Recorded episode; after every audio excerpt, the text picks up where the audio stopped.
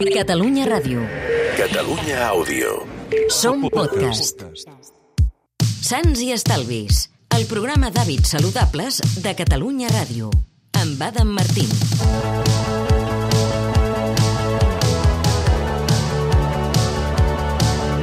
Hola, què tal? Benvinguts als Sants i Estalvis. Avui seguim destruint mites que empitjoren la nostra relació amb el menjar, que ens estressen de manera totalment innecessària, coses que s'han posat de moda i que fa que tinguem una relació tensa amb l'alimentació. Parlarem avui de la dieta dissociada, aquesta dieta per perdre pes que consisteix en menjar de manera separada proteïnes i hidrats de carboni en els àpats. Ens ajuda a primar-nos? És saludable? Ara entrem en detall, però abans deixeu-me donar les gràcies per l'excel·lent rebuda dels Sants de la setmana passada dedicat a explicar per què el col·lagen és una enganyifa i per què no cal gastar-nos els quartos comprant-lo. El programa ha estat el número dels àudios més escoltats de tot Catalunya Ràdio durant més de 4 dies, per tant, gràcies, gràcies, gràcies.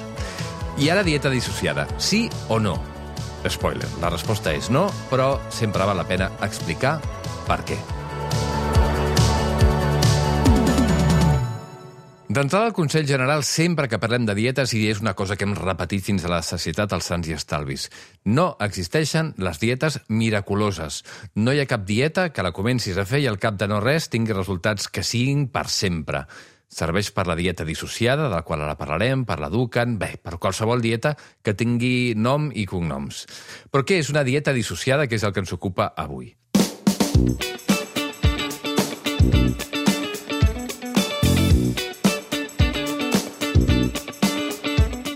Doncs és, com dèiem, una de les moltes dietes miracle que corren pel món. Hi ha la Dukan, hi ha la High, hi ha la Shelton, hi ha la Beverly Hills... Bé, hi ha molts noms.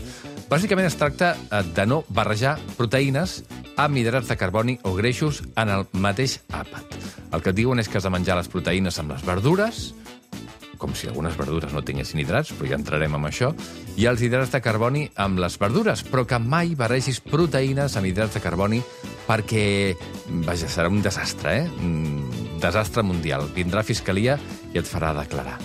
Què són les proteïnes? Ja ho sabeu. La carn, el peix, eh, els ous, els llegums, també, i aquí comencem a complicar-nos una mica la vida. Els làctics, els hidrats de carboni són els cereals, pasta, l'arròs, el pa, les farines, les patates, la fruita, determinats eh, tubercles, eh, a banda de les patates, com per exemple la pastanaga, eh, o verdures d'arrel, etc. I què són els greixos? Doncs bàsicament fruits secs, eh, olis, eh, llavors, etc. Peixos greixosos, alguns tipus de carn, també. Segons els que defensen la dieta dissociada, si no mengem proteïnes amb hidrats de carboni, això farà que digerim millor els aliments i que cremem més calories i que, per tant, entrarem en dèficit calòric i perdrem pes amb més facilitat. Entren bastant en detall i, de fet, hi ha algunes coses que són directament al dimoni. És especialment dolent barrejar, segons aquesta dieta, coses com kiwi i plàtan, desastre, llenties i arròs, un àpat clàssic de la cuina mundial, el pernil i el meló, quin desastre, el peix amb arròs, la carn amb el pa, els dàtils i les ametlles... Ah, si menges tot això, tindràs una explosió nuclear a dins. Té algun fonament científic dir aquestes històries? Doncs ras i curt, no. De fet, no tenen cap base científica, no és una opinió meva, eh? això ho diuen tots els grans organismes internacionals dedicats a parlar de la nutrició. L'ésser humà pot digerir fisiològicament, bioquímicament, pot digerir proteïnes, hidrats de carboni i greixos junts sense cap mena de problema.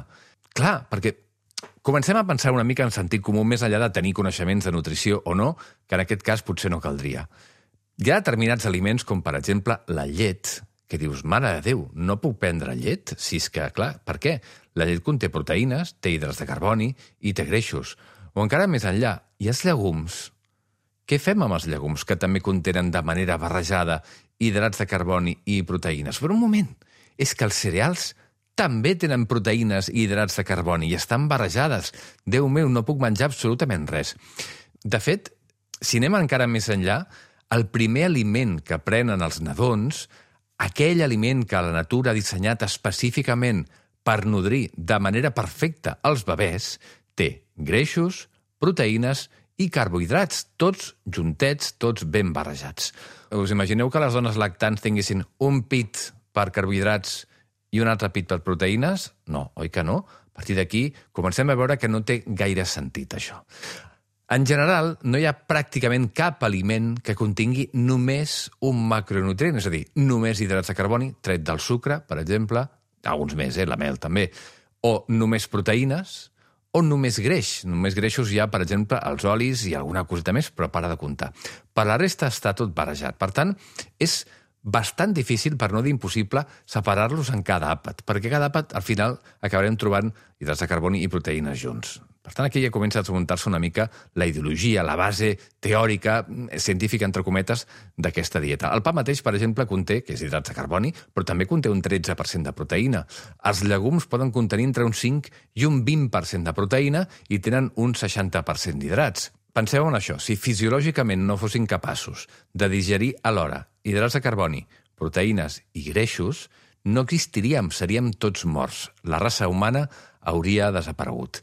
De fet, tenim enzims especialitzats en trencar proteïnes, hidrats de carboni i greixos. Alguns funcionen alhora, altres en diferents moments de la digestió o en diferents llocs. A la saliva, per exemple, o a l'estómac, a diferents parts dels budells. En totes aquestes zones hi ha predominància de determinats enzims que fan una cosa o una altra. Estan especialitzats en trencar els hidrats de carboni, o els greixos, o les proteïnes. Però a la majoria de nosaltres tot això ens és igual, perquè, malauradament, quan parlem en alimentació, sempre pensem en perdre pes. D'acord. Tot això m'ajuda a perdre pes? Doncs és bastant possible que sí, no us enganyaré. Pot funcionar per perdre pes, però no funciona per les raons per les quals diuen que funciona. I aquí comencem a tenir problemes una altra vegada. No és que funcioni perquè si barreges proteïnes i hidrats tindràs problemes per digerir i això t'engreixa. No, el que està passant és que com que és una dieta tan restrictiva, al final acabes menjant d'entrada menys aliments, per tant menys calories i entres en dèficit calòric, cosa que no és necessàriament bona, perquè el que importa és que entrin tots els nutrients, i segurament amb aquesta dieta no estan entrant tots els nutrients, i després, perquè com que està restringint hidrats de carboni, la majoria d'aliments processats, ultraprocessats, de fet, si hem de parlar eh, de manera pertinent, la majoria d'aliments ultraprocessats que mengem, que són de mala qualitat, són els responsables, en la majoria de casos, que entri un excés, un gran excés de calories a la nostra dieta. Penseu en tots aquests aliments com eh, la bulleria industrial, les patates fregides de bossa, etc. La majoria tenen com a nutrient essencial, com a ingredient essencial, els hidrats de carboni, els sucres, a més a més de la pitjor manera possible, en forma de farines o en forma de sucres o de dues coses, i, per tant, si deixes de menjar aquests aliments, de cop i volta, la reducció calòrica de la teva dieta és brutal i, evidentment, comences a perdre pes. Clar, es pot aconseguir això d'una altra manera sense arriscar-se? Evidentment que sí, i ho hem explicat moltes vegades als Sants i Estalvis. Té perills aquesta dieta? Té algun perill de dieta dissociada, aquesta dieta que separa hidrats de carboni de proteïnes en els mateixos àpats? Clar, en el fons es tracta, si ho pensem bé, d'una dieta baixa en carbohidrats que està disfressada. I com passa amb qualsevol dieta que restringeix algun grup d'aliments o algun nutrient, doncs té els seus perills i és fàcil que acabi sent una dieta desequilibrada. De fet, és molt fàcil que passi això. Segons la Federació Espanyola de Societats de Nutrició, Alimentació i Dietètica, la FESNAT, aquest tipus de dietes poden generar una llarga llista d'efectes perjudicials, per exemple, alteracions gastrointestinals, estrenyiment, per exemple, per falta de fibra dietètica, perquè no n'està entrant prou, malestar general, marejos, intolerància al fred, sequedat de la pell, fragilitat de les ungles, pèrdua de cabells, mal alè, descalcificació, danys renals, contractures musculars, retirada de la regla, insomni, ansietat, elevacions en els nivells de colesterol, triglicèrids, àcid úric... La llista realment és bastant llarga de coses que poden arribar a passar. No dic que hagin de passar sí o sí, però són possibilitats que poden eh, tenir la seva incidència si apostem per un tipus de dieta com aquesta. Ara imagina't que trobes totes aquestes contraindicacions en el prospecte d'un medicament. Te'l prendries o el deixaries de banda? Què hem de fer, aleshores? Eh, què és el més important en una dieta? Doncs oblidar-se, en general, dels macronutrients, proteïnes, hidrats, tal, i pensar en aliments, que és molt més senzill. I aleshores triar millor els aliments que escollim a la nostra dieta. Per exemple, l'arròs integral conté hidrats de carboni, però és un aliment de bona qualitat. Una galeta també conté molts hidrats de carboni, però és un aliment de mala qualitat. La diferència és el tipus d'hidrats de carboni que conté un aliment i l'altre. El que importa aquí és el conjunt de la dieta, les sinergies que hi ha entre uns nutrients i uns altres que es troben a dins de l'aliment, paquet, que s'anomena la matriu alimentària, i la densitat nutricional que té cada aliment. Quin és aquest concepte? Què vol dir? Doncs que, en general, a la dieta hem d'apostar per aliments, en principi, tinguin poques calories, però que continguin molts nutrients a dins. Per exemple, les verdures tenen poques calories, però són molt riques en nutrients, tenen vitamines, tenen antioxidants, tenen fibra, tenen una quantitat de nutrients superinteressants per a la nostra salut que fa que siguin un aliment interessant. Passa el mateix amb els llegums, passa el mateix amb la carn, passa amb els ous... Hi ha moltes opcions per triar, totes aquestes són perfectament saludables, però la idea, en general, és oblidar-se de hidrats de carboni, perquè hi ha una carbofòbia que no es pot aguantar, hidrats de carboni, proteïnes, greixos, deixar de pensar en això i començar a pensar més en aliments. L'important és el paquet, l'aliment sencer, la matriu alimentària i totes les sinergies que hi ha entre els nutrients que hi ha a dins d'aquesta matriu alimentària. Per tant, si voleu perdre pes, que és una cosa perfectament lícita, encara que últimament parlar de pèrdua de pes sembla que estiguis parlant també del dimoni, feu d'una manera correcta, adequada, poseu-vos en mans d'un bon nutricionista amb un títol de dietista nutricionista us explicarà com perdre pes sense perdre el temps i sense arriscar la salut passant per dietes miracle com aquesta de la dieta dissociada o moltes altres. Ho deixem aquí. Fins la setmana que ve. Moltes gràcies. Sants i Estalvis, el programa d'hàbits saludables de Catalunya Ràdio, amb Adam Martín. Catalunya Ràdio. Catalunya Àudio. Som podcast.